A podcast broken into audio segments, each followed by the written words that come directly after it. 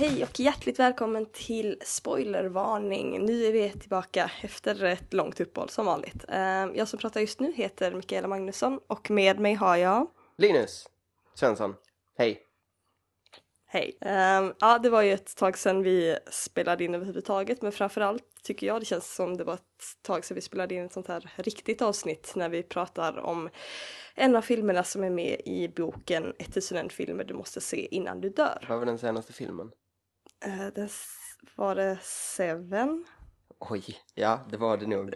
Jag tror det var Seven. Mm. Eh, och sen så hade vi, var det hemläxa-avsnittet där emellan eller var det bara random? Nej, det var väl det. Det var Ja, mellan podden där vi pratade en massa film.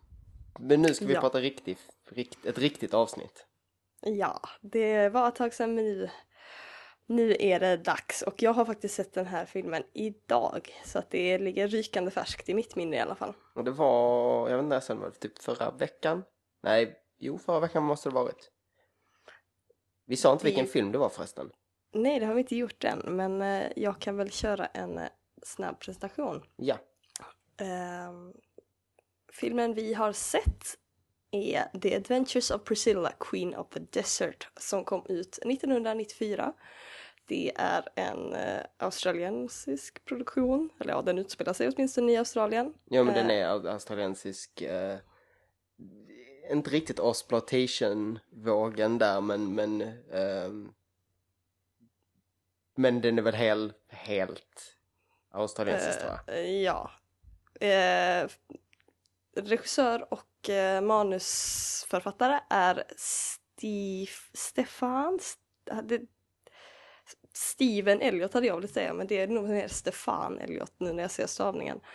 Eh, skådisarna är bland annat Hugo Weaving, Guy Pearce och Terence Stamp. Det är väl de tre man känner igen. Ja, resten är ju kanske, kanske om man har lite koll på australiensisk film så kanske det är några som är lite kända där på något sätt. Men det är ju ingen annan jag känner igen i alla fall. Nej, så jag tror det. Jag tror det är en ganska så här, inhemsk produktion. Det är en, alltså regissören är väl här, lite halvstor i Australien. Men det här är väl den enda filmen man känner till utanför typ. Ja, och om jag kollar på hans andra filmer här eh, så är det ju inget jag känner igen direkt. Jo, det är en film här som heter Easy Virtue, Små skandaler. Den har jag faktiskt sett. Eh, kom 2008, men eh, annars är det ingenting här jag riktigt känner igen. Ska vi gå igenom handlingen lite snabbt? Det tycker jag. Thank you.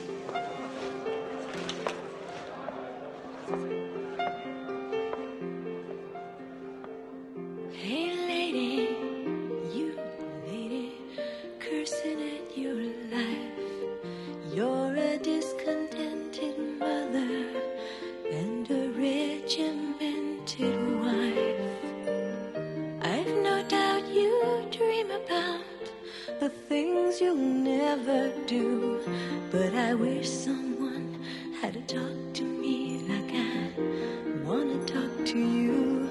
Ooh, I've been På sätt och vis, alltså den här har ju en, den har en övergripande handling. Det handlar ju om Hugo Weaving som ska åka från Sydney till, Alice Springs. ja, en liten eh, backwater, inte riktigt men så typ en mindre stad. Ja, det är ju något av en håla men inte så, alltså det är ändå, det finns plats för att ha en dragshow där så det kan inte vara hur litet som helst. Nej. Uh, just det, de är, de är Hugo Weaving och uh, Guy Pearce är ju är drag queens uh, medans uh, Terence Stamp är en transkvinna. Exakt, och eh, de, de benämns ju med ganska många olika namn genom hela filmen. Ska vi komma överens om, ska vi kalla dem bara skådespelarnas namn? Ja, ja, För enkelhetens skull Ja. kanske. det tycker jag. Eh, men, men Hugo Weaving ska i alla fall eh, åka till Alice Springs. Vi vet inte varför riktigt i början men att de ska göra en show där och han får då med sig Terence Stamp och Guy Pearce. Eh, men, men på många sätt är det inte, känns det inte riktigt som liksom så en, en, alltså en, en, en berättelse utan mer som så här en rad scener på många sätt. Det, känns, det finns liksom så här sex olika scener som är, hänger ihop men ett lite fristående ändå. Ja, och det känns ju inte som att det är så här om man hade hoppat in mitt i filmen så hade det kanske inte varit jättesvårt att förstå Nej. vad det är som pågår. För att det är inte, det, det är ganska uppdelat på sätt och vis. Ska vi gå del för del då? I de sex, jag tror det är sex delar. Det är sex platser de befinner sig på. Ehm, det har inte jag funderat över men det kan det säkert vara. Så då kan vi väl börja med plats ett då. Mm. Vilket ju då är Sydney. Ja.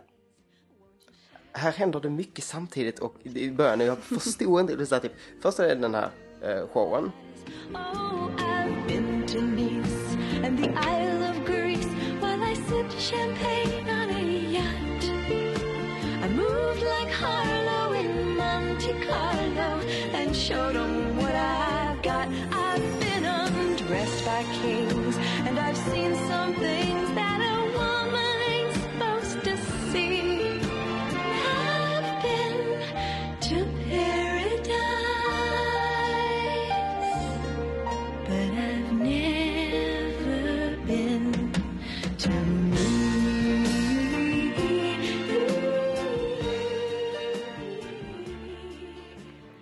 Hugo Weaving står och eh, kör lite lipsync där uppe på scenen och eh, får väl eh, inte jättebra eh, respons. Nej, det är väl ingen jättebra show heller om man ska vara ärlig. Lite av en genomgående grej att de är ju inte svinbra. Alltså, Nej, det, det, det är ju... det är ett problem jag har med den här filmen. Ehm, det är det att de ska sälja liksom så här, typ en, en, liksom, en dragshow-trupp som ska vara väldigt bra. Speciellt um, Terrence Stamps karaktär har ju varit eh, med i Le, Le Girls Ja, eh, som, som var stora och så här. Terrence Stamp är ju horribelt dålig. den enda som kanske är lite bra är väl Guy Pearce men han är ju inte heller särskilt bra. Nej, de, det känns som att de har lagt väldigt mycket tid och energi på att ge dem jättefancy outfits men ingenting på koreografi eh, eller showmanship eller något. Det är bara så här, ni har kul kläder och ni är män klädda som kvinnor så. Tada! Uh, eh, eh, ja, men i, i den här filmens universum så är de i alla fall ganska bra och uh, Hugo Weaving har då, även om den här showen som han inledde med i början av filmen inte får jättebra respons så får vi ändå veta då att så som vi sa tidigare så ska han göra en annan show som ligger i Alice Springs. Mm. Man, man får typ reda alltså någon ringer upp honom som man inte vet riktigt vem det är och han ska åka dit och väldigt oklart där i början. Eh, för det klipper väl samtidigt den här showen och sen pratar han typ i telefon med någon och sen är det en begravning. Mm, ja. ja, det är ju ett väldigt kort samtal där när han ringer till Bernadette, till eh, Terrence Stamps karaktär då. Och eh, det, det är ju han ringer ju Bernadette av anledning, vi vet inte riktigt. Men Bernadette berättar ju då att eh, hennes man, eller pojkvän eller vad det nu är, som heter Trumpet, har dött. Typ boy toy. Eller, Ja. Men jag tror de är gifta. Det är de nog va? Tror jag. Eh, men han, eh, ja, han har eh, färgat håret själv i ett stängt rum och blivit hög av ångorna och svimmat och slagit ihjäl sig. Jag, jag, är ganska, det är ganska skönt här att de inte gör det som typ alla filmer gör när det handlar om eh, eh, homosexuella transpersoner. Eh, det vill säga att döda honom med aids. Vilket känns som så här, typ the go-to nästan. Ja. Eh, vilket är lite Det- tråkigt. Det kändes ju som att det verkligen skulle komma särskilt eftersom det handlade om en ung människa. Mm. Och då, men eh, skönt, de eh, didn't go there. Nej, jag tyckte, jag tyckte det var ett, ett roligare sätt att dö. Pinsammare, men Ja, och eh, den här begravningen och allting fungerar ju lite som en katalysator för att få med Bernadette på den här roadtrippen också. Och Bernadette tänker då att nej men det blir halt, det blir, det blir alltså, nu har vi börjat kalla Bernadette för Bernadette och alla andra för ett skådespelarnamn. Terrence Ja. Stamp, Bernadette, ja, vi kan hoppa fram och tillbaks. Men Terrence Stamp har ju då tanken att nej men åh vad härligt, det blir jag och det blir Hugo Weaving och vi ska åka till Australien, härligt. Men, men så ska ju Guy Pearce vara med. Here's hoping the desert's big enough for the two of us. Three of us. A desert holiday, let's pack the drag away. You take the lunch and tea, I'll take the ecstasy. Fuck off, you silly queer, I'm getting out of here. A desert holiday, hip hip hip hip hooray. Och de kommer inte riktigt överens. Eh, nej, det, det märker vi från första bildrutan att eh, Terrence Stamp är inte ett jättestort fan av Guy Pearce. Nej, Guy Pearce är ju eh, den unga, väldigt eh, flamboyanta. Väldigt snygga karaktär. Jag tror aldrig jag sett honom så snygg som Nej. han var i den här filmen. Nej, jag Alltså- tänkte han är, han är fruktansvärt snygg och han är inte lika dålig som han brukar vara. Också det! Jag vet du inte ett, tycker inte så mycket om honom Nej. alls väl? Nej, jag Eh, gör inte det. Jag tror mycket jag tyckte om det här var att han är så inte ständigt förvirrad ut som han gör i alla andra filmer. Eh, Nej, det var faktiskt en ganska annan eh, typ av karaktär för hans del. Mm. Sen vet jag inte, alltså. Vi har en, en straight cis-man som spelar, så det är svårt att säga här. Ehm, är det liksom lite, spelar han över det flamboyanta? Jag vet inte. Det känns som att, alltså, han, det blir just, ja, han spelar ju en roll. Och det, jag kan tycka det är lite tråkigt att alla i den här filmen är, det är faktiskt det, det är regisserat av en cis-man med en heterosexuell cis-man med heterosexuella cis-män i alla huvudroller. Det är ju klart problematiskt. Mm. Alltså, det är ju, nu, okej, det här var också 94, den eh, diskussionen kanske inte var riktigt lika aktuell då, men man kan ju fortfarande ifrågasätta. Mm. Alltså det, det är ju inte, det är inte Stonewall illa. Eh, men det är fortfarande inte bra. Om du, Stone, du vet, Mm, det, går lite över huvudet på mig. em, Emmerich har gjort en Stonewall-film. Stonewall handlar ju om, om upploppen som blev liksom grunden till Pride. Ehm, och de som låg bakom det i mångt mycket var um, icke-vita eh, transkvinnor. Ehm, och i Roll Emmerichs film så handlar det om en ung, vit, cis-gay man som bara, skrivit ut dem och bara så är det hans berättelse. Och Roll Emmerich som vi känner för, liksom för mästerverk som eh, Day After Tomorrow och så här.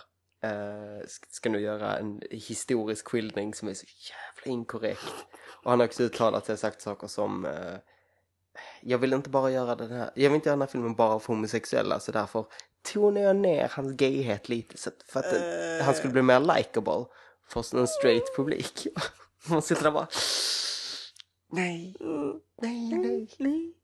Den har också blivit universellt, universellt, universellt, skitsamma, sågad. Jättesågad. Mycket välkänt. Till skillnad från då den här filmen Priscilla som är ju väldigt hyllad och även eh, Oscarsvinnare i och för sig för kostym, men ändå. Mm, kostym är väl det den ska ha för. Ja. I hereby christen this budget Barbie camper Priscilla, Queen of the Desert. Jag, jag trodde för övrigt Priscilla var en person. Det, det är det inte och det får vi reda på nu. Ja, för med Guy Pearce så dyker ju även eh, Priscilla upp. Som är en buss. Som han har köpt för typ mammas pengar. Ja, han har ju eh, gått till sin mamma och sagt att eh, "Ja, men den här lilla fasen jag är i nu, jag kan nog komma ur den om jag får åka ut i vildmarken ett tag. Japp. Superbra. Och med de här pengarna har han ju då köpt den här skolbussen av tre svenskar. Det nämns ändå Sverige några gånger i den här filmen. Och detta är väl första gången. Det, det känns som någonting man vill notera varje gång. Sverige. Sverige, japp, japp, viktigt. Också ett sånt standard Sverige-skämt. För en gångs skull så heter karaktären han har köpt honom inte Sven, utan det är Lars den här gången. Är det inte så att Lars. alla tre heter Lars? Jo, Lars, Lars och Lars. Well, I met some nice Swedish tourists called Lars, Lars, and Lars, and I coaxed out of them for 10,000 bucks. Men sen tar väl oss det oss till location nummer två. Vilket är den första byn de besöker. Eh, ja, men innan dess så har vi väl, är det väl lite roadtrip-dags. Uh, Ja, just det. Det är det Då ju. vi får reda på ganska viktig information. Ja, det är nu det. Det börjar liksom trappas upp vad, vem det är som har hyrt in dem. Det visar vara ehm, så att Hugo Weaving är gift, var gift, är, är gift. Mm, de är väl inte skilda, bara separerade. Eh, man får reda på att han är gift och de andra två blir väldigt chockade. Och sen typ börjar det hintas redan där om att han, att det kanske är mer än att han är gift. Ja, kanske, kanske. Men det är inte, alltså jag tyckte det var, eh, jag har ju sett musikalen. Mm. Eh, musikaluppsättningen av den här filmen. Så därför så vet man ju ganska mycket grejer. Jag vet ju handlingen innan det ska hända. Mm. Så det kan vara svårt för mig nu att i efterhand komma ihåg så här vad som hintas eller inte eftersom jag själv när jag såg det Ja. visste vad som skulle hända. Det är en sak vi kan nämna också där, att det här är ju inte en musikal. Nej, Det, det, jag trodde det. Mm, jag med. Det är ju en film när de ibland mimar till musik men, men mest inte. Mest inte. Ibland sjunger lite grann men det är ju inga musikalnummer så. Nej, ingenting. Vilket var lite tråkigt tyckte jag. Ja, alltså det, är- det är inte så mycket av det man eh, tror att man ska få när man börjar. Man tänker så här, men bara och så, det är inte så mycket show. Det är mest åka runt i bussen. Ja. Uh, det är så här, de åker runt i bussen och så stannar de på de här sex platserna. Första platsen är ju, för de ska åka så här, typ genom the outback. Ehm, och hamnar i någon liten backwater-håla. Där Där de de, bor, bor på ett jättekonstigt hotell. Det är väl här det är med de här målade murals på väggarna. undrar om inte det är på andra stället, eller möjligtvis tredje stället. Det är väldigt många små städer de kommer stanna i under vägen. Uh, oavsett om det är det konstiga hotellet eller inte så går de väl ut här. Det gör de också nästan hela tiden. Mm. Men nu går de väl till en liten pub i eh, full drag. Ja, och det blir väl ganska dålig stämning. Tills det för att det kommer fram typ en, en väldigt homo och transfobisk eh, kvinna. ehm, som blir så jä- som blir burnad så hårt, hårt av Bernadette att de eh, typ blir populära. Typ. Ja. Now listen here, you mullet. Why don't you just light your tampon and blow your box apart? Because it's the only bang you're ever gonna get, sweetheart.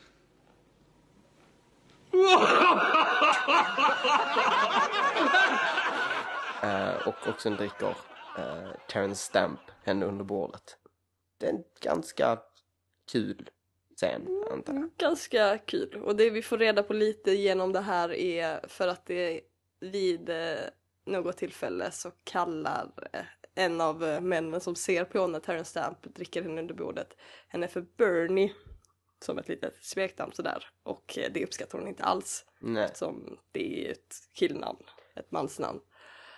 Jag antar ju att det är av den anledningen. De kallar henne för det senare också. Men Mm, och är det, är det väl här som um, Guy Pearce också kallar, kallar henne för sitt, sitt gamla namn så att säga.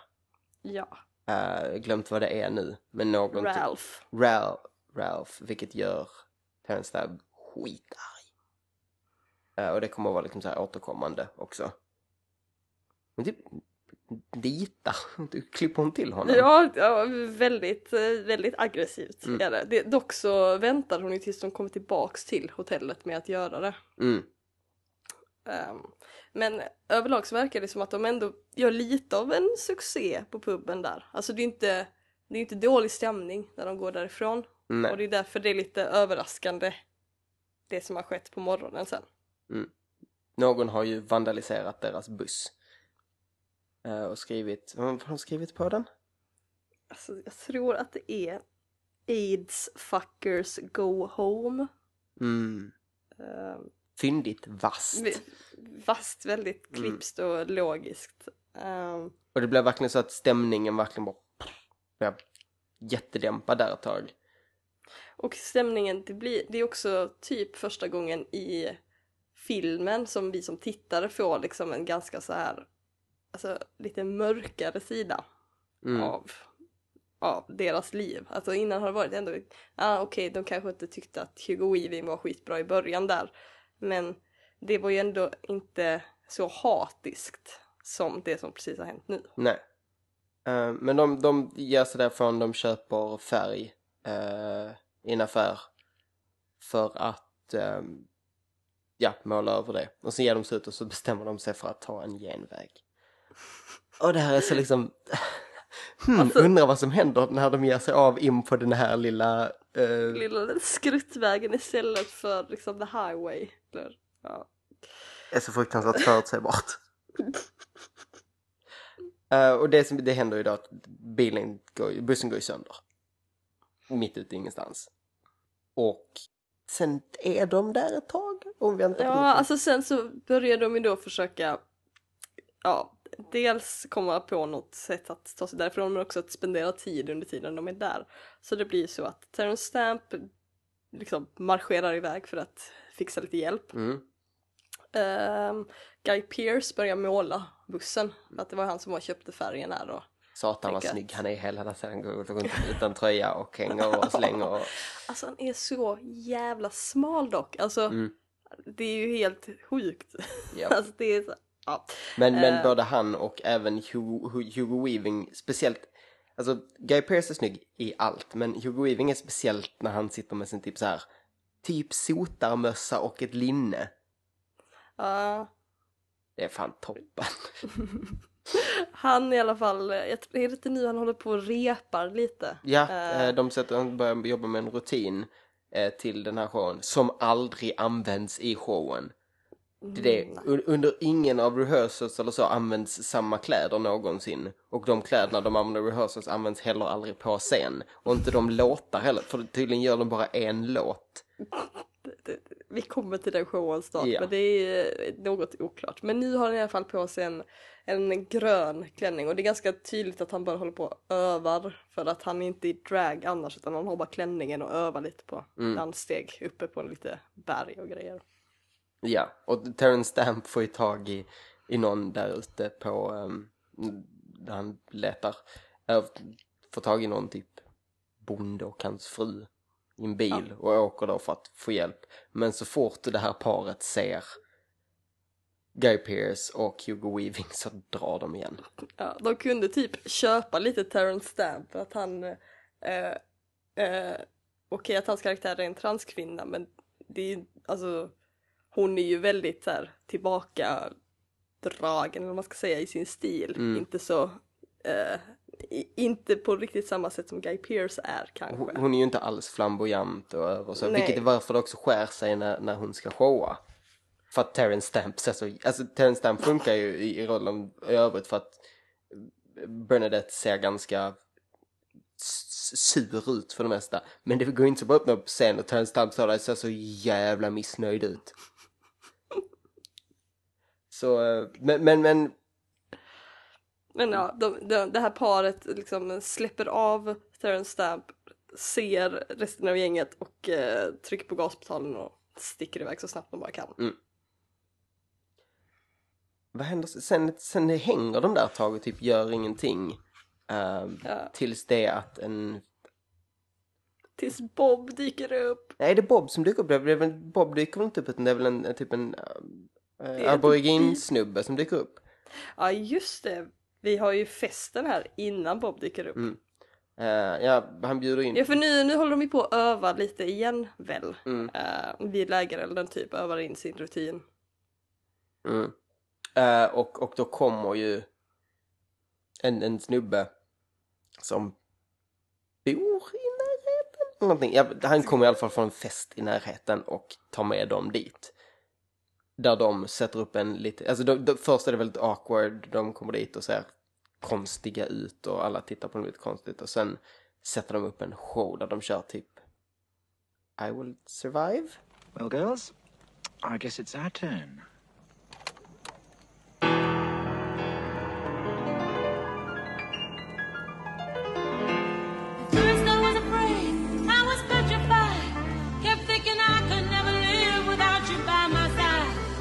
Then I spent so many nights thinking how you did me wrong. And I grew strong. And I learned how to get along. And so you're back from outer space. I just walked in to find you here with that sad look upon your face. Alltså det, det här är ju ganska återkommande skeende att de kommer till en ny plats, ser lite hur folk reagerar, kör kanske en dragshow, väntar lite hur folk reagerar. Mm. Och folk här tycker väl det är kul. Och framförallt han som hämtar dem, som jag inte vet vad han heter. Eh, han får ju vara med lite. Tror de till och med dressar upp honom lite. Ja, han har någon tjusig silverjacka eller något tror jag. Eh, I en ganska dålig scen. Vill jag säga, sitta bara så, nej. Nej, det var inte så bra det här va? Mm, ja, alltså.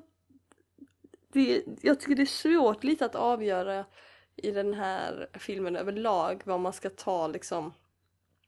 eh, om, det, om det verkligen sker eller om det är lite mer så här drömsekvensaktigt. För bara en sån sak, de kommer dit och de ser ju inte, då ser de inte så konstiga ut. Nej. Men, de byt, men sen när de ska köra dragshowen då är de helt plötsligt i full drag. Har de då gått tillbaka till bussen och liksom inte. Jag tänkte också på det. Och de gör det vid något annat tillfälle också. Att de går så här, typ från ingenting till full drag på... Ja, ska det, ska, man då, ska det ha hänt så snabbt eller så ska de ha varit iväg en timme och sminkat sig eller vad? Jag, det, det, det, De, de gör i alla fall en ganska dålig rutin till den och han är med och det är ganska så här. mhm. Ehm, men de jag blir i alla fall genom de här människorna presenterade för Bob. Det är nu Bob dyker upp i filmen. ja, nu kommer Bob. Han, jag har tagit reda på han är också lite av en kändis, i, alla fall i australiensisk film. Mm, Den här skådisen eh, Så- Bill Hunter tror jag. ja så har jag väl också förstått det. Eh, Bob är i alla fall en mekaniker som hjälper dem fixa bussen och en av få karaktärer som är så här typ jättepepp på deras show och eh, tycker det är jättehäftigt. Alltså bland annat imponerad av att Bernadette är, ehm, har varit med i Les, Le, Le Girls. Det är ju ändå en ganska rolig scen då när de har, eh, när de kommer hem till Bob och eh, de har lite så här inte riktigt velat berätta vad det är de gör för någon show. Och sen så försöker Guy Pearce chocka genom att liksom, ja men vi klär ut oss till kvinnor och dansar till schlagerlåtar och lalala. Och istället för den här, väntade reaktionen så blir ju Bob superpepp på det. Mm. Då när han, eftersom han har sett den här Le Girls grejen i Sydney. I sin ungdom typ väl? Mm, ja, han, han nämnde väl någonting om att det var 30 år sedan Mm. och därför så kan ju Bernadette omöjligt ha varit med i den för det var så länge sedan. Eh, med Bob, som är en ganska bra karaktär, alltså jag gillar Bob rätt mycket, ehm, så kommer jag också, Cynthia. åh gud, det här är så dåligt. Förlåt, för Bob, jag är, han är ju då gift, uh, om man får reda på senare, typ att han gjorde upp typ fyllan, är gift med en eh, asiatisk så kallad... Filippins Filipp- tror jag. Ja, till och med. Tror det heter pingpongartist. Mm, alltså hon är ju både då pingpongartist och Mailor the Bride kallar de henne emellanåt. Så att de lyckas få in två härliga stereotyper Mm. i samma karaktär. Så hon är ju inte mailorder för han har ju inte typ köpt henne. Det är ju vad de tror. Utan han har ju träffat henne på en semester. Blivit full och hon har typ så här gift sig med honom. För att få följa med. Och hon, hon, hon hade nog tänkt att han bodde i Sydney och inte typ in the outback. Och först är det ju väldigt så här, hon vill, hon vill showa för dem och han säger nej. Och han säger vi kan gå ner till baren så kan ni showa lite. Och hon säger jag vill också med. Jag bara nej. Och jag tänkte fan vilken douche Bob är mot henne. Visst hon är ett, hon, ganska konstig men Och lite störig men vadå det var, gör det så mycket. Mm. De kanske showar tillsammans. Typ. ja. Ehm, men det som händer sen är, alltså för framförallt känns det inte som han behandlar henne som en vuxen människa. Det- Men, men han, lämnar ju, han lämnar ju henne hemma och de går till den här baren för att göra en show. Vilket går åt helvete. Det är ju ingen som uppskattar det förutom Bob. Som uppskattar lite väl mycket med tanke på hur inte bra det är. Ja. Och det är jätteawkward och sen har Cynthia suttit hemma och blivit jätteförbannad och, slit, och, och ehm, slitit ett upp ett skåp så bara rasar ut pingpongbollar. Då börjar man ju känna så här. Ah, aha, Mhm. this is gonna happen. Eh, och hon går till baren och alla blir jättepeppar på henne. Eh, och sen typ, hon typ strippar, ställer sig på scenen och börjar Köra pingpong show. skjuta pingpongbollar från delar. Det här är inte bra. Nej, alltså jag vet inte. Det, jag läste lite i IMDB-forum om det här. Eh, man, man ska egentligen hålla sig borta ifrån dem för att det är ofta mycket skit. Mm. Men eh, där var det ju faktiskt ganska många som ifrågasatte det här att en, en film som på något sätt försöker liksom jag vet inte, sätta så här, transsexualitet och dragshows och sånt i ett bättre ljus och liksom försöka skapa förståelse för saker. Mm. Hur fan kan man ha med en sån rasistisk och sexistisk karaktär? Nej, det är inte det. Alltså, nej, va? det är inte, inte, inte alls bra. Och det, det, det här tänkte jag på då sen höll kvar. Det här är ju, det är ju lite buskis. Det är ju lite, det är ju lite typ sällskap, sällskapsresan-humor. Det finns mycket av det. Men bara tänk på, det finns ju den här återkommande karaktären, hon som ska springa genom eh, springa igenom eh, över Som, ska, som, som joggar med den här konstiga vagnen efter sig. Ja, och det är bara så att the running gag. Men det, ja, No det pun intended. framför, eller typ så här, ja är det, är det Sällskapsresan eller Göta kanal när den där snubben med, med kanoten som kommer hela tiden? Vet faktiskt inte, men, men alltså båda Samma serierna typ har... Ja. Och det finns, för, för att den fyller ingen funktion, kolla där kommer hon. Ehm, och det finns mycket som, som påminner om att detta är, det, detta är typ Sällskapsresan fast med ett annat tema. I, i mycket av humorn. Det finns mycket sådana, alltså, det är lite bättre men det finns många spår av det. Det blir framförallt tråkigt tycker jag eftersom att eh, Cynthia är en av de få kvinnliga karaktärerna Mm. i den här filmen också. Ja, det finns ju typ, alltså det finns ju eh, Bernadette som en, som en transkvinna men sen är Och det sen typ så finns det ju frun så småningom. Ja, Men men hon är med typ en, hon är knappt med så att det är ju egentligen bara två kvinnliga karaktärer. Varav en är ja ett bra porträtt av en transkvinna medan den andra är liksom vad är det ens? nej, det Nej. Äh, bara så dåligt. Eh, ja, men eh, hon kör sin show. Bob tycker inte att det är så bra så han tar med henne. Han tar ner henne från bardisken och eh, tar med henne hem. Mm. Och det går åt fan och hon lämnar honom. Så Bob hoppar med på bussen. För att de behöver någon som håller den igång för att det här felet kommer att återkomma. Ja, för de, ja, det, det var någon grej de behövde fixa men de kunde inte få den förrän om en vecka och de var tvungna att börja åka innan dess. Så de behöver liksom ständig service på den här bussen. Mm. Den får typ sand i något filter. Motorgrejer. Oviktigt, Mm. oklart. Då, tar vi, då, då var det här, nu ska vi se här. Vi har haft Sydney, vi hade den första småstaden, vi hade eh, öknen, vi hade den andra småstaden. Det var fyra. Då är nummer fem den tredje småstaden. Och det är här det går åt helvete. Japp.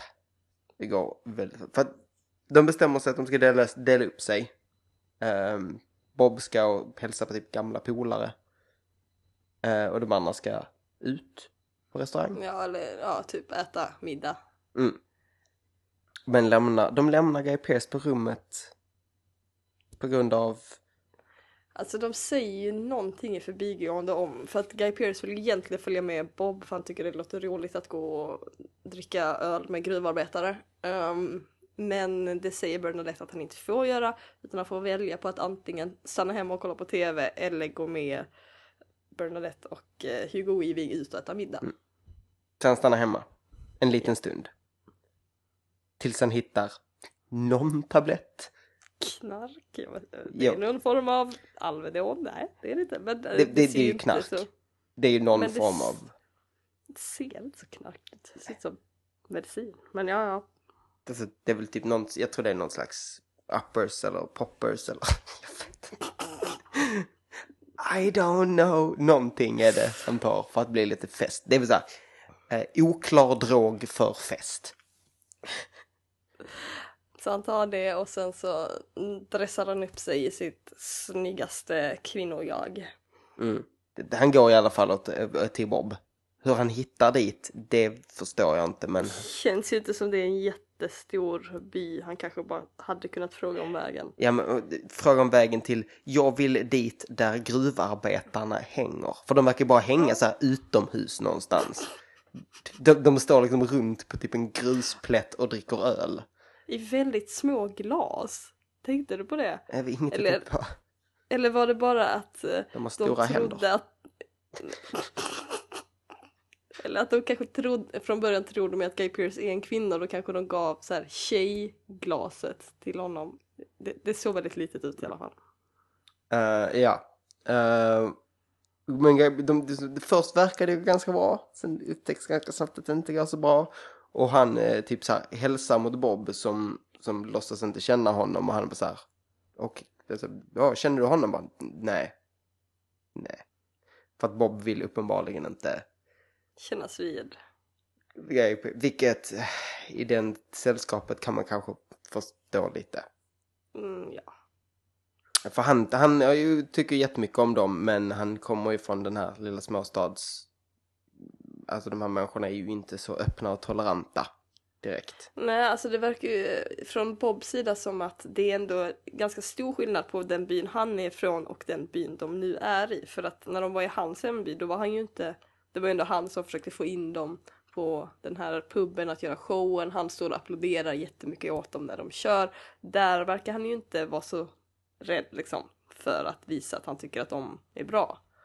Men han nämner ju redan så fort de kommer till den nya byn att det är, det är lite annan stämning här. Fast jag vet inte riktigt varför. Det, det är ju, det, detta är väl en större by än den förra. Den förra är väl typ hans hus och puben kändes det nästan som. Eh, det, här, det här är ett större samhälle. Det var hit de skulle åka för att få motorn till exempel. Eller den där grejen de behövde till bussen. Mm, det är kanske någon form av så här gruvarbetarmentalitet som rör sig i den här byn. Jävla gruvarbetare, så jävla intoleranta. Mm, fy fan. Um, men det, det går ju åt fan. Um, för Guy Pearce är ganska flörtig med en snubbe som då bestämmer sig för att han ska spöa på honom. Uh, I, ja, för att ja, det, det framkommer ju ganska snabbt att eh, Guy Pearce inte är en kvinna. Det är väl genom att han har stora händer eller hår på armen eller oklart Något. lite där. Något. och så han springer. Och eh, de jagar efter. Och springer förbi den här restaurangen. Så det kan inte vara så stor bo för de råkar bara springa förbi restaurangen där eh, eh, Bernadette och ehm, Hugo Weaving sitter. Så, som också hakar på. Eh, Också igen ganska mörk stämning. Ja, eh, det, blir, det, det är ju ganska tvära kast mellan så här, stämningen i den här filmen och här blir det ju ganska obehagligt faktiskt. Mm. För de, de eh, Guy Pearce hamnar ju i, liksom i en återvändsgränd och de kommer ikapp honom och ska börja spöa på. Och då gör Bob något. Det är han så här, nej nu, nu, nu räcker det. Um, och jag känner då att nej, men jag känner dem och han skojar bara så lämnar honom i fred. Vilket inte direkt funkar. Han är fortfarande våldsam och ska spöa. Jag vet inte, han blev väl lite slagen. Ehm, det, Guy Pearce blir det, ja. Mm. Alltså inte supermycket men han är ju nerknuffad på marken åtminstone. Eh, och Bernadette går typ fram till ledaren, för Bernadette kommer också dit då, eh, går fram till ledaren och sparkar honom på pungen. Ja. Typ. Och sen, Säger Vinner de. snappy typ och sen så, ja. Sen har de vunnit. För att det är tydligen bara den här ledaren som är något att ha. De andra bara, nej. Okej, nu bryr vi oss inte längre. Eh, Så de får gå därifrån. eh, och det är nu det bestäms för Bob skulle egentligen bara följa med dem till den här stan. Men bestämmer sig nu för att istället, okej fuck it, jag hänger med er då, hela vägen. Och så fortsätter gänget. För det händer inte mer som händer i den staden. Mm, nej, nu är det väl dags för eh, lite, lite mys med tårta och sitta runt lägereld. Något som vi aldrig har gjort förut. Oj. Just det, jag glömde. Det är en plats till. Jag har också, vi har också hoppat över det för jag minns inte relevansen av det men typ de spelar något kortspel och Guy Pearce vinner och därför går Hugo Weaving och Guy Pearce väldigt upp dollade i någon stad någon gång. Okej, ja, det kommer inte ihåg. Nej, inte, inte en vits. Jag tror de ska shoppa eller någonting. Men oavsett, så det blir väl kanske sju eller åtta platser då. Um, men här är en ganska kort scen tror jag. Jag vet, när, de- när de hänger och så här, vindläger eller och äter tårta. Eller ska äta tårta. Äter de någonsin tårtan? Eh, det är det, de- jag jag ser aldrig att de äter men däremot så kommer ju Bernadette och erbjuder Bob mer tårta. Sen lite framåt slutet på den scenen så att Ja, och Vid sen, något tillfälle har de ätit tårta. men sen när, när Burnett vaknar morgonen efter så vaknar hon ju i tårtan. Och är typ- då verkar den vara hel. Förutom mosad av, av, av hennes ansikte. Ja, märkligt. Men här etableras väl, det har väl varit ända sedan Bob introducerades, men den här kärlekshistorien mellan Bernadette och Bob Mm. blir väl lite mer, det intensifieras väl här. Ja, um, Burnett gör väl en tydlig så här. Nu går ni och lägger er. Jag ska ragga på Bob. Eh, så de, de drar iväg. ehm, och, och, eller går in i bussen medan Bernadette och Bob stannar ute. All night long. Sover på tårta och dricker sprit. Japp. Ehm, och det är väl typ allt som händer där. Ja. Sen drar de vidare och nu är vi väl framme. Framme. I, I Alice Springs, alltså jag hoppas det heter det, jag har kallat det det hela tiden. Jag såg här i mina anteckningar att det heter Alice Springs. Ja, som det känns i filmen, alltså det är ju en australiensisk film och det känns på något vis som att de förväntar, de säger Alice Springs som att det ska betyda någonting. Så typ, men det är Alice Springs som är väldigt Alice Springs, man bara mhm. Man typ går på kontext vad de menar att Alice Springs är. Men jag antar att det är lite att Alice Springs mot Sydney är som ehm, vad heter den här, inte Las Vegas utan den andra kasinostaden i USA. Atlantic City. Atlantic City. Lite så. Lite, inte riktigt lika. Ja, okej, men eh, ja, jag fattar. Men nu är de åtminstone framme i Alice Springs och ni kommer ju lite fler surprises. Ja. För han har ju en son. Äh, äh, Hugo Weaving alltså. Ja, och först då blir vi ju introducerad till då hans fru. Och jag, det är lite märkligt tyckte jag att det var för att jag hade ändå fått intrycket av att de inte så här separerade på jättebra terms. Typ att de, han pratar någonting om bank accounts och sånt här. Men nu verkar de ju vara jävligt glada att se varandra. Jag tyckte det lät, jag vet inte, jag fick för mig att det var rätt så bra. Typ att de hade varit tillsammans ett tag och sen hade de jag, tror- jag tror jag nämnde som att det kom fram att jag gillade hennes eh, ring mer så att vi bytte ringar och gick separata håll. Så att han har hennes, så att säga, vigselring.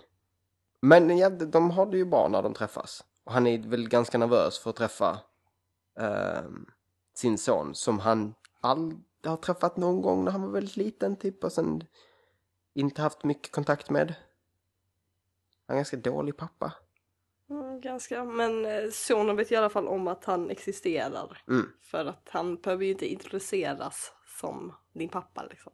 När de väl träffar varandra. Nej, alltså jag var lite oklar på det här, för de säger ju inte minns du din pappa, minns du farbror Kit eller vad de kallar honom? Kip? Nej, nej, de säger bara, eh, han kallas ju för Tick tror jag. Tick är det hans- kanske, Kip, Tick. Kit, Tick. Kick, krick. Eh, eh, nej men säger, hon säger ju bara, du kommer väl ihåg Tick typ.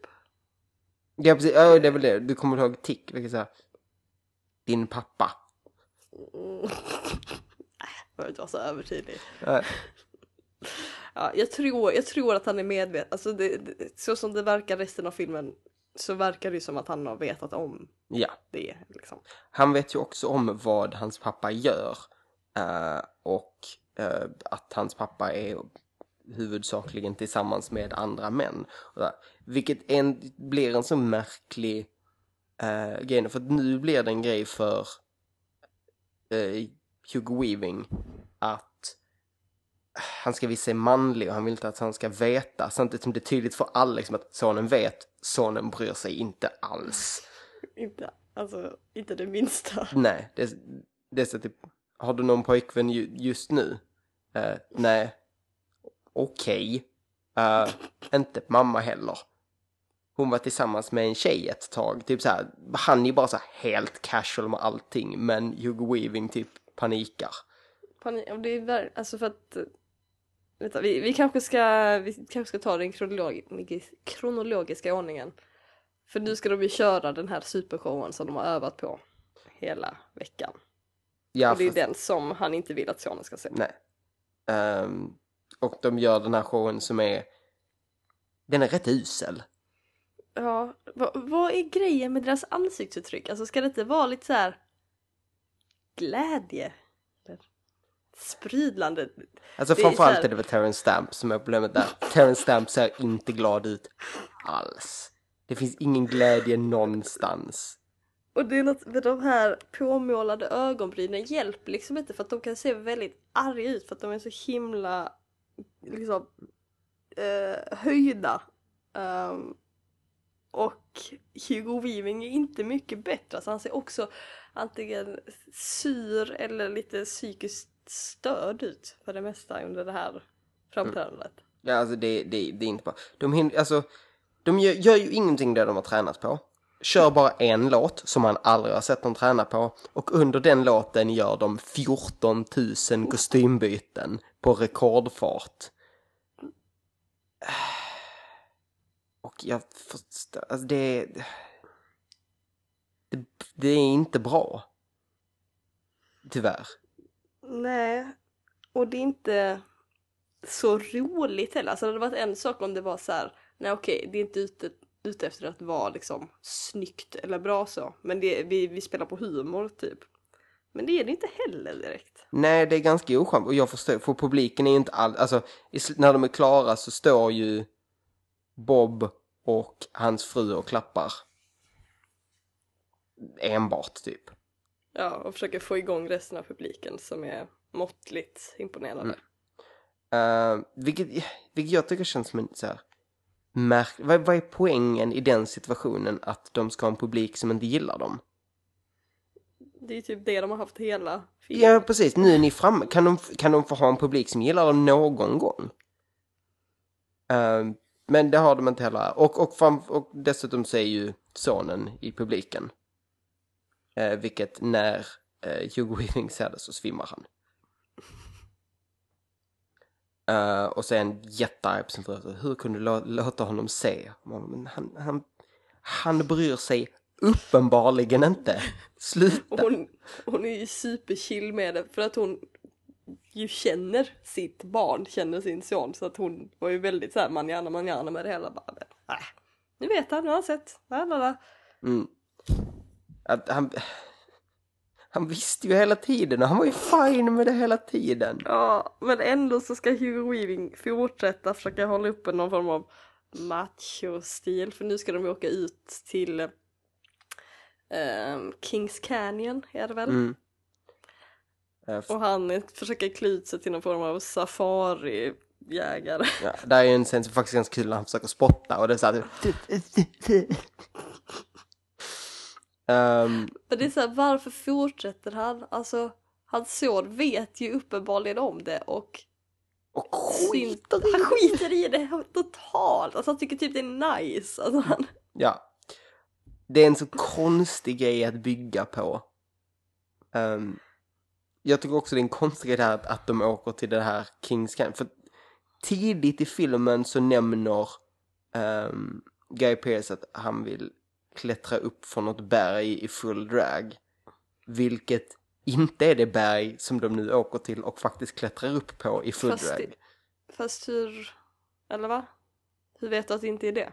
Eh, jag läste handlingen på Wikipedia och det är tydligen så här typ för oss som inte är australienser så vet vi inte det men det var inte Kings Cross han nämnde, eller Kings Canyon han nämnde i början utan det var en annan, ett annat ställe så de, det är Fast det var det väl? För jag har ju antecknat att det var Kings Canyon. ja, för man sa något annat. Nej. Alltså för att han säger ju, när de ska nämna så här sina anledningar till att de vill åka med på resan. På resan eh, så säger han ju att bland annat så hade han en dröm. Och jag tror fan att han säger Kings Canyon där. Alltså det är ju någonting för att det är något fyndigt med namnet. Ja, och jag, jag, grejen att jag reagerade på det för att jag var säker på att han skulle säga Ayers Rock såklart bara för att det det enda landmärke jag vet i Australien. Okej, eh, the, the original plan is to climb uh, Uluru in full drag regalia, uh, a cock and a frock on a rock. Although the location was changed to Kings Canyon in the film. Ja, uh, Ja, okej. så att i filmen Okej. så säger han ju Men det har ju ingen förlaga. Ehm, Nej, för musikalen kom väl efter. Mm. Eh, ja men det är det väl när de skrev manuset då så ville de att det skulle vara. Men sen så när de väl skulle börja location scouta så insåg de att det inte gick så då fick de ändra det till Kings Canyon. Ja, säkert. Ehm, Kanske. ja, de försökte få... Uh, aha, okej. De försökte få... Um, rätta för Ul- Ul- Ulur är tydligen Eos Rock. Jaha okej. Men de fick inte upp på, det heter tydligen inte Eos Rock heller längre utan det heter Ulur nu för tiden. Ehm, men det skulle vara typ så här mot religious beliefs. Eh, Jaha. så därför bytte de. Okej, jag förstår. Jag, jag har, det här känns inte så orimligt allting. Framförallt inte att de ville ha från början. För att det känns som en mycket mer så här ikonisk bild Ja, än det som det nu blev. japp. Det är ju inte så att när de väl kom på berget så är det ganska så här.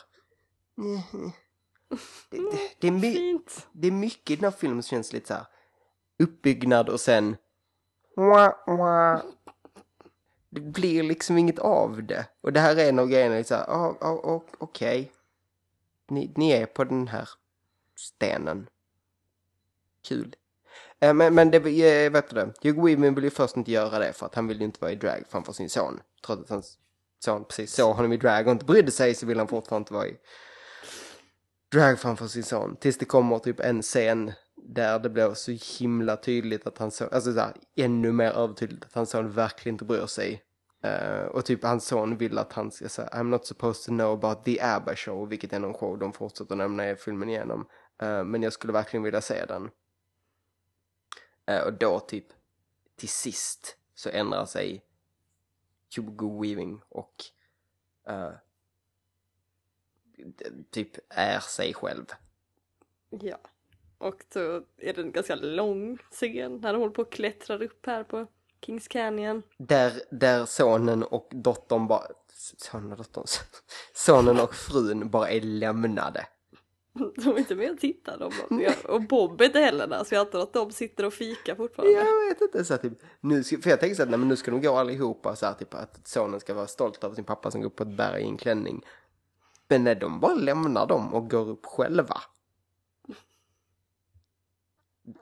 In- Och så blir det här att det här, jaha, jaha. Jaha. Det hände. Och sen, så, sen säger de typ att ja, nu vill vi åka hem fast ja, vi måste göra färdigt våra shower här i Alice Springs. Så Mm. vi gör det. Och sen åker vi hem. Det var också så här, det var lite så jobbigt så här, typ, nu vill vi åka hem fast vi måste vara kvar.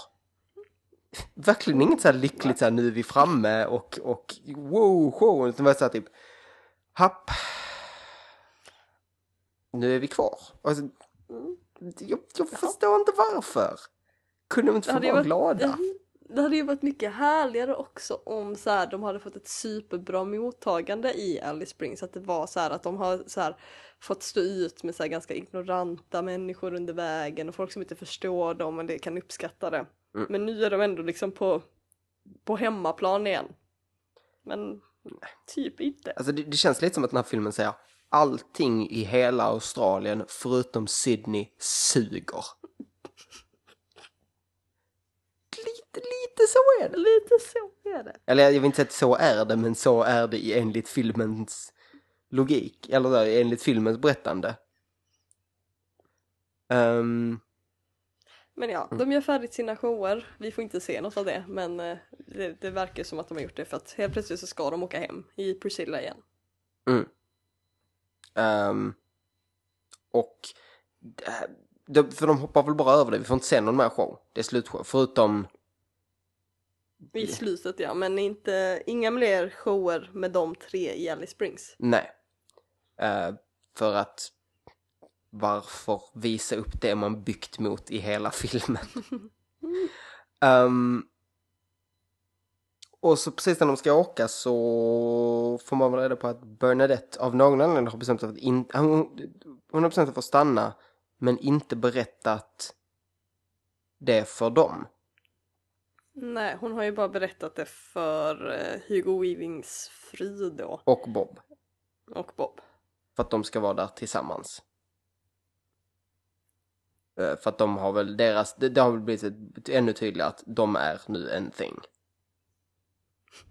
Eh, och så stannar de ihop, där ihop. Medan de andra åker tillbaka. Också så här typ. Det är aldrig så genuint lyckligt. Det är också, också en sån här scen där det är lite. Lite så här. "Hmm, Stämning, lite så här. Och, Bernadette verkar inte så lycklig över att stanna heller utan det är så här. Mm, eh, jag vet inte om jag inte försöker. japp. Ja, mm, ja härligt. Kul att du känner sån kärlek här. Och det är väl också en sån grej att eh, Bernadette nu är med någon. Bob är ju, hon säger till att Bob är alldeles för gammal. Men han är ju lika gammal som du. ja, precis. Ehm, men nu ska hon typ vara med någon, inte en ung boy tror jag det är en stor grej. Så de stannar där, Hugo Weavings fru stannar där men hans son följer med.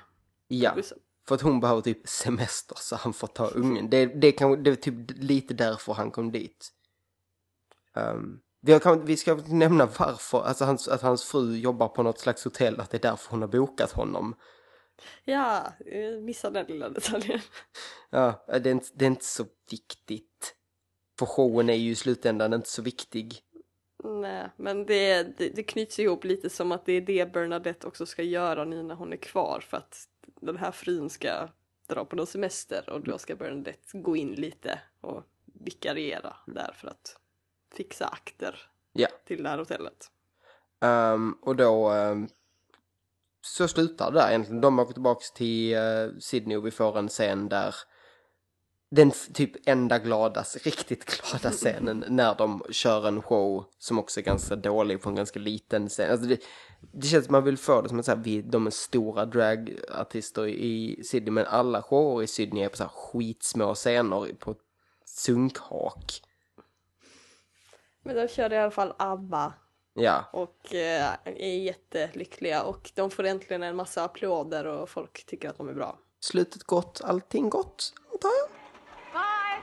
Don't forget to ride. See ya. Wish I was staying. Take care of it now. Yeah, see ya, Ralph. I've been cheated by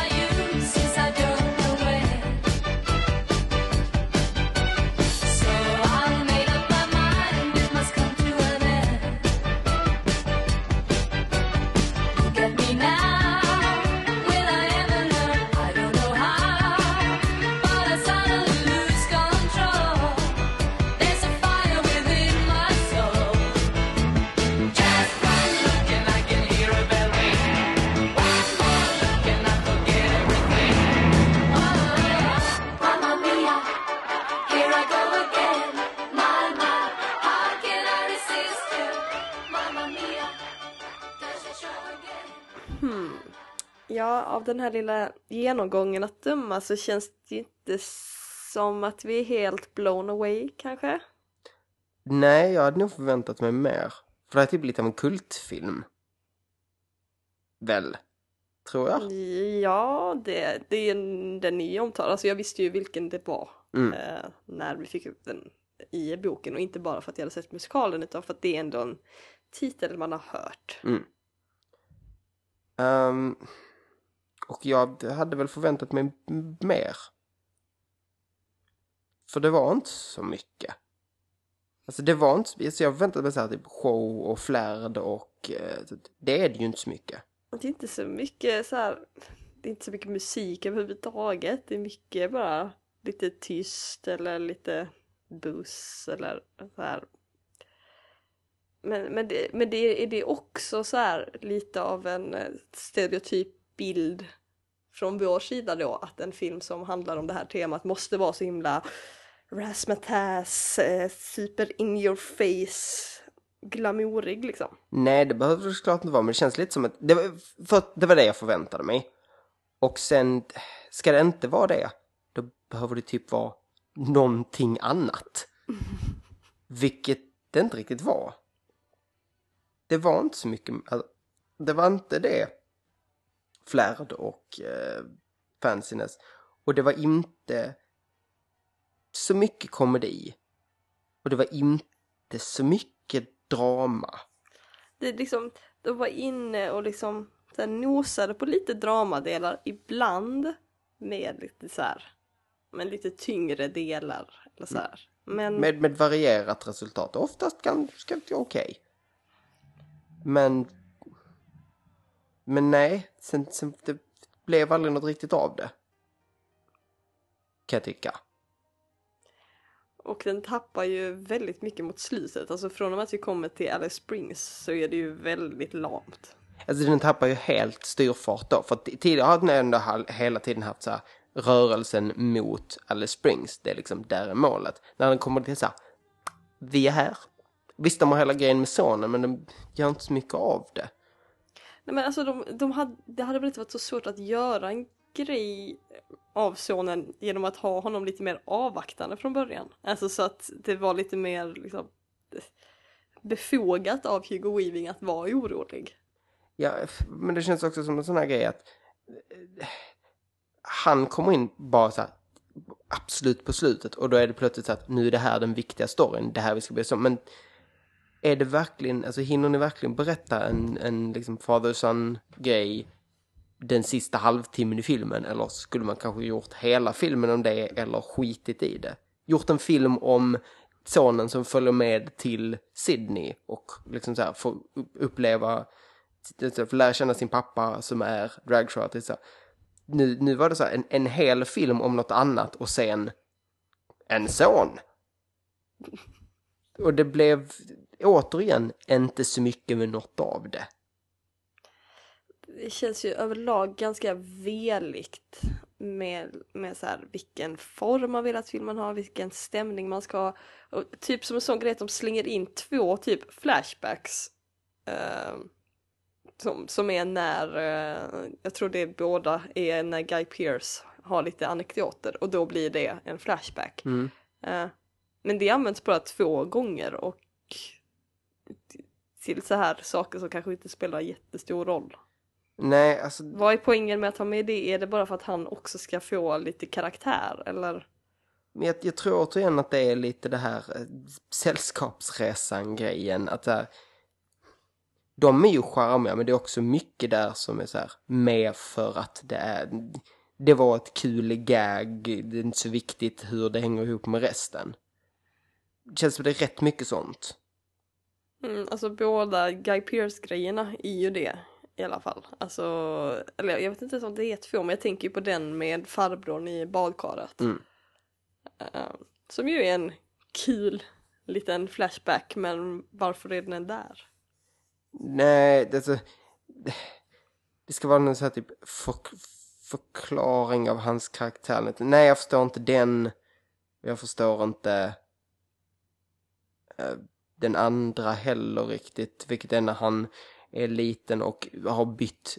Det är också en ganska kul scen. Han har, han har, han har bytt labels på paketen så att han får alla sin systers presenter. Just det, i och för sig, den, det är ju Ter- Terrence Stamps flashback. Ah, Den det är det, ju- just det. Mm, den var ju lite mer befogad för att den kom liksom som ett svar på eh, en fråga ifrån Bob. Mm. Ehm, What, I guess I really never had a choice. Tyckte det var rätt så kul. ja men så här, lite kul, lite så här fint på något sätt, lite förklarande. Ändå, den var ju mer befogad då än Guy Pearce flashbacken. Mm. Den är bara ett, ett enkelt gag. Och det, men det är också, jag gillar ändå den delen för att där direkt efter det så är det ganska skön stämning mellan dem. Och när de he- bara hänger i bussen och det är lite, så här, lite härlig stämning och de typ sjunger med i någon låt och så. Alltså, typ, roadtrip på film är alltid så jävla mysigt. Det är ju alltid bra. Um, men men det, det liksom blir, blir inte så mycket av det heller. Alltså, när, när man väl får det så är det så här, det här är ganska mysigt. Men som helhet som film vet jag inte. Det känns inte så mycket som en helhet. Utan det är vissa scener som är roliga. Det finns ganska mycket så här, bra repliker. Lite så här. Mm. Ja, de är ju citatmaskiner hela gänget där. Ehm, men så här, jag vet inte, det känns som att det, det fanns potential att göra vissa grejer mycket bättre än vad det blev. Alltså bara en sån grej som då efter att man har haft den ganska så här mörka delen när eh, Guy Pearce karaktär blir jagad in i återvändsgränden och Mm. eh, Bernadette ska komma och rädda honom. Mm. Så gör de ju det här med att eh, hon knäar den här snubben mellan benen. Och det är typ så här inte så bra gjort. Det är typ så här, det, det är inte tajmat och det, det ser inte ut att göra så ont och så här repliken som kommer efter är också lite off. Ja. Och det, bara, det blir inte alls ett sånt här episkt moment som det hade kunnat bli utan det blir bara lite, lite off. Ja, det känns lite samma sak när hon gör sin singer på eh, det här första stället när hon dissar den här, den här kvinnan. Det är så här, jo, det var en ganska bra diss. Medan hela baren är bara så här, wow! så bra diss var det inte. De kanske inte ser så många bra eller hör så många bra dissar i den där lilla byn. In the är ju- outback har vi inga dissar. Nej men det är ju, för det är ju det som du pratade om tidigare att om det är något man ska ta med sig så är det ju att allt utanför Sydney är sämst. Japp. Alltså, förutom då möjligtvis det här berget i slutet, det var ju lite härligt men annars är det sämst. Japp. Nej, det, det, känns som det lider lite. Det är, det är liksom... Det mm, låg budget, vilket påverkar mycket av, av deras shower. Fast samtidigt fast de har lagt så jävla mycket budget på kläderna. Fast inte så, jag läste lite om det här också. Att eh, alltså det är mycket som nog eh, inte har kostat så jättemycket. Alltså typ den här klänningen som eh, Hugo Weaving har. Jag tror det är då när, de, när han har förlorat i kortspelet så har han ju en klänning som det är typ flipflops på eller någonting om du kommer ihåg den. Ehm, en kort historia. Ja, precis. den ska tydligen ha gjorts för 7 dollar. Oj. Ehm, sen är det ju kanske en av de enklare versionerna. Ehm, men eh, Men jag tänker typ på... eh, det, och, det finns med typ två gånger. Makes no sense, har ingenting med att vara- Men när de sitter uppe, de har en enorm eh, högklackade skor på taket. De sitter i den med ett så här skitlångt släp som är efter bussen. Och mimat någon sång. Är ju jättesnyggt. Men varför? det finns ju inget syfte. Ingen kontext. Alls. Nej, alltså det det känns inte som det hade varit så svårt att etablera att eh, Guy Pearce karaktär på något sätt så här tyckte om opera eller något. Alltså så här, för det är ju det, det är ju alltid operalåtar nästan när de är uppe i skon. Ja, och det, och det, och det är verkligen, det har inget, inget syfte och det finns ingen poäng i liksom det bredare narrativet alls. Utan det är bara för att det är en snygg scen. Och det är en snygg scen.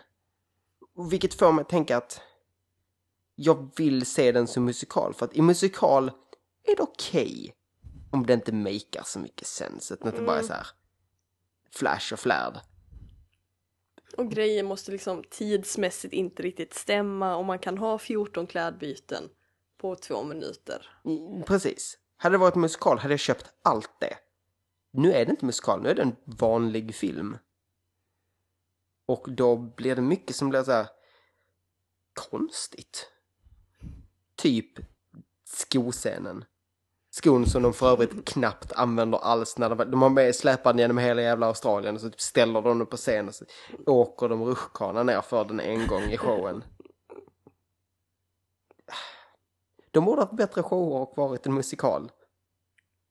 Då hade de kommit undan med mycket mer. Mm. Det är ju därför jag tycker ju faktiskt att eh, musikalversionen av det här som jag såg är bättre. Kör de då eh, show, alltså att, att de gör typ samma låtar som i filmen, det vill säga redan kända låtar, eller den har egen, Ehm, egenskrivna låtar då? Nej, nej, det är mest, eh, jag, jag vet inte om det är någon egenskriven låt faktiskt, men däremot så blir ju alla, typ alla delar i filmen när de sjunger lite grann, typ när de sitter i bussen och sjunger eller lalala, det blir ju liksom ett musikalnummer Mm. i den och det blir liksom så här ett bra musikalnummer, men liksom det blir så här Ja men när de är någonstans och så blir gruvarbetarna dansare helt plötsligt som är i bakgrunden och dansar och alltså så här. Det är, det är roligt. Mm. Det är så här, Klassisk musikal grejer ja, klassiska musikalgrejer till liksom så här välkända låtar. Ehm, men fortfarande med lite av de här liksom de har ju inte tagit bort de mörkare delarna heller utan de, bussen blir fortfarande nersprayad och Guy Pearce karaktär är fortfarande inträngd i hörnet och det är liksom Mm. Men är, är det det som är Är det här en musikal utan musikalnummer? Typ typ ja, alltså jag, jag trodde verkligen att det skulle vara en musikal. Mm. Ja, nej. Jag tror inte, jag tror vi har sagt ungefär vad vi kommer säga. Den, den, den, den, den saknar någonting. Det saknar någonting men jag måste ju ändå säga att den, den var inte svår att ta sig igenom. Nej, nej, Alltså den, det var ju ändå så här väldigt lätt att titta på och underhållande. Jag hade typ nästan kunnat se den en gång till tror jag. den har ju liksom ändå liksom det här hela tiden ett driv framåt. Förutom sagt när de är framme i Alice Springs, men då är filmen nästan slut. Då är man så här, okej, okej, var är ni på väg nu? Men innan dess, en roadtrip är ett, ett enkelt, man får liksom en naturlig framåtkraft. Uppenbarligen eftersom man reser. Det är det, det är det enklaste och det är jätteeffektivt.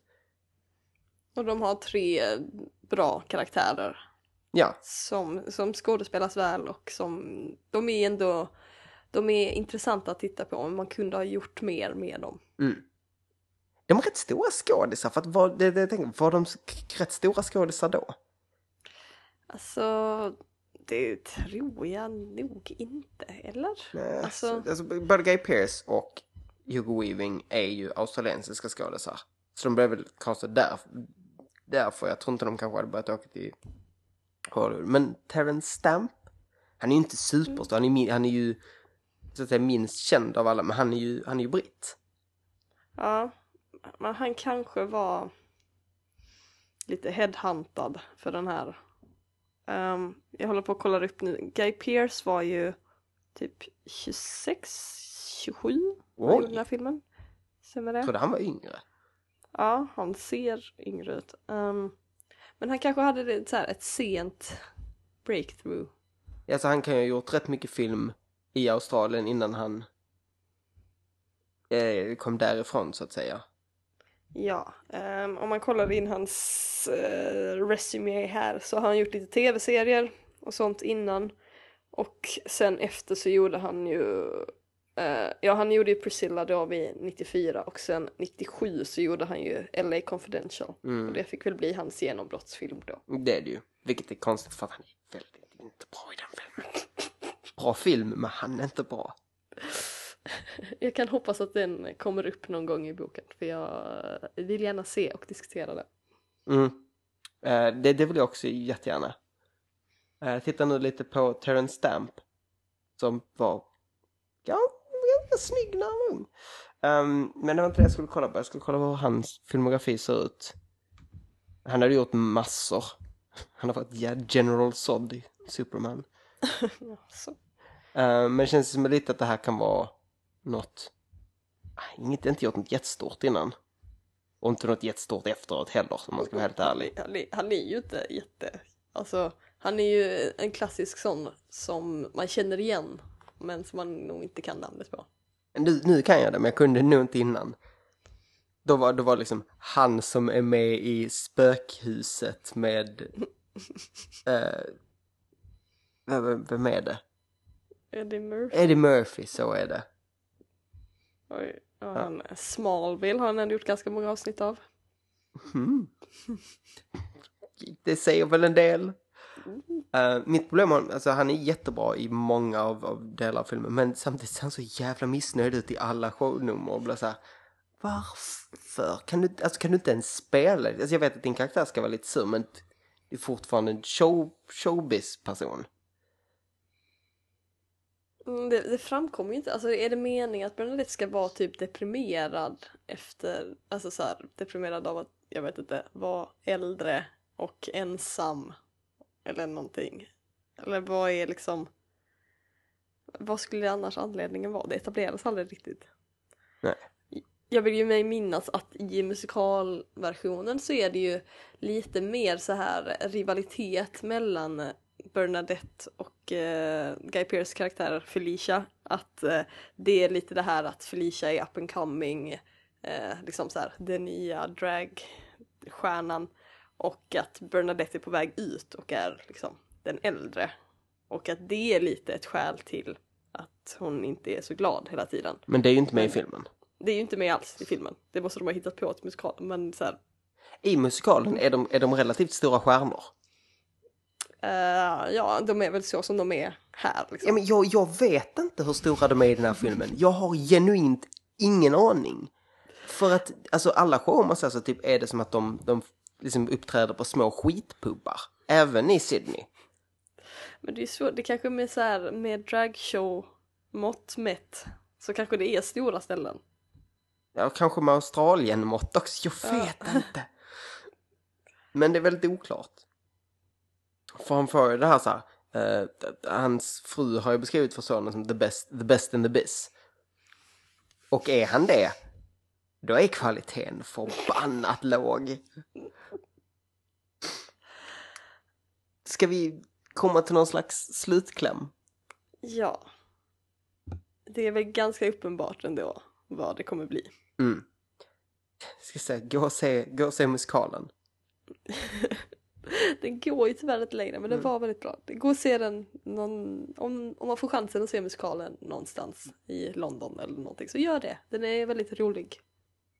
Men, men filmen, den är, gör inte ont att se. Men jag skulle inte säga att man måste se den.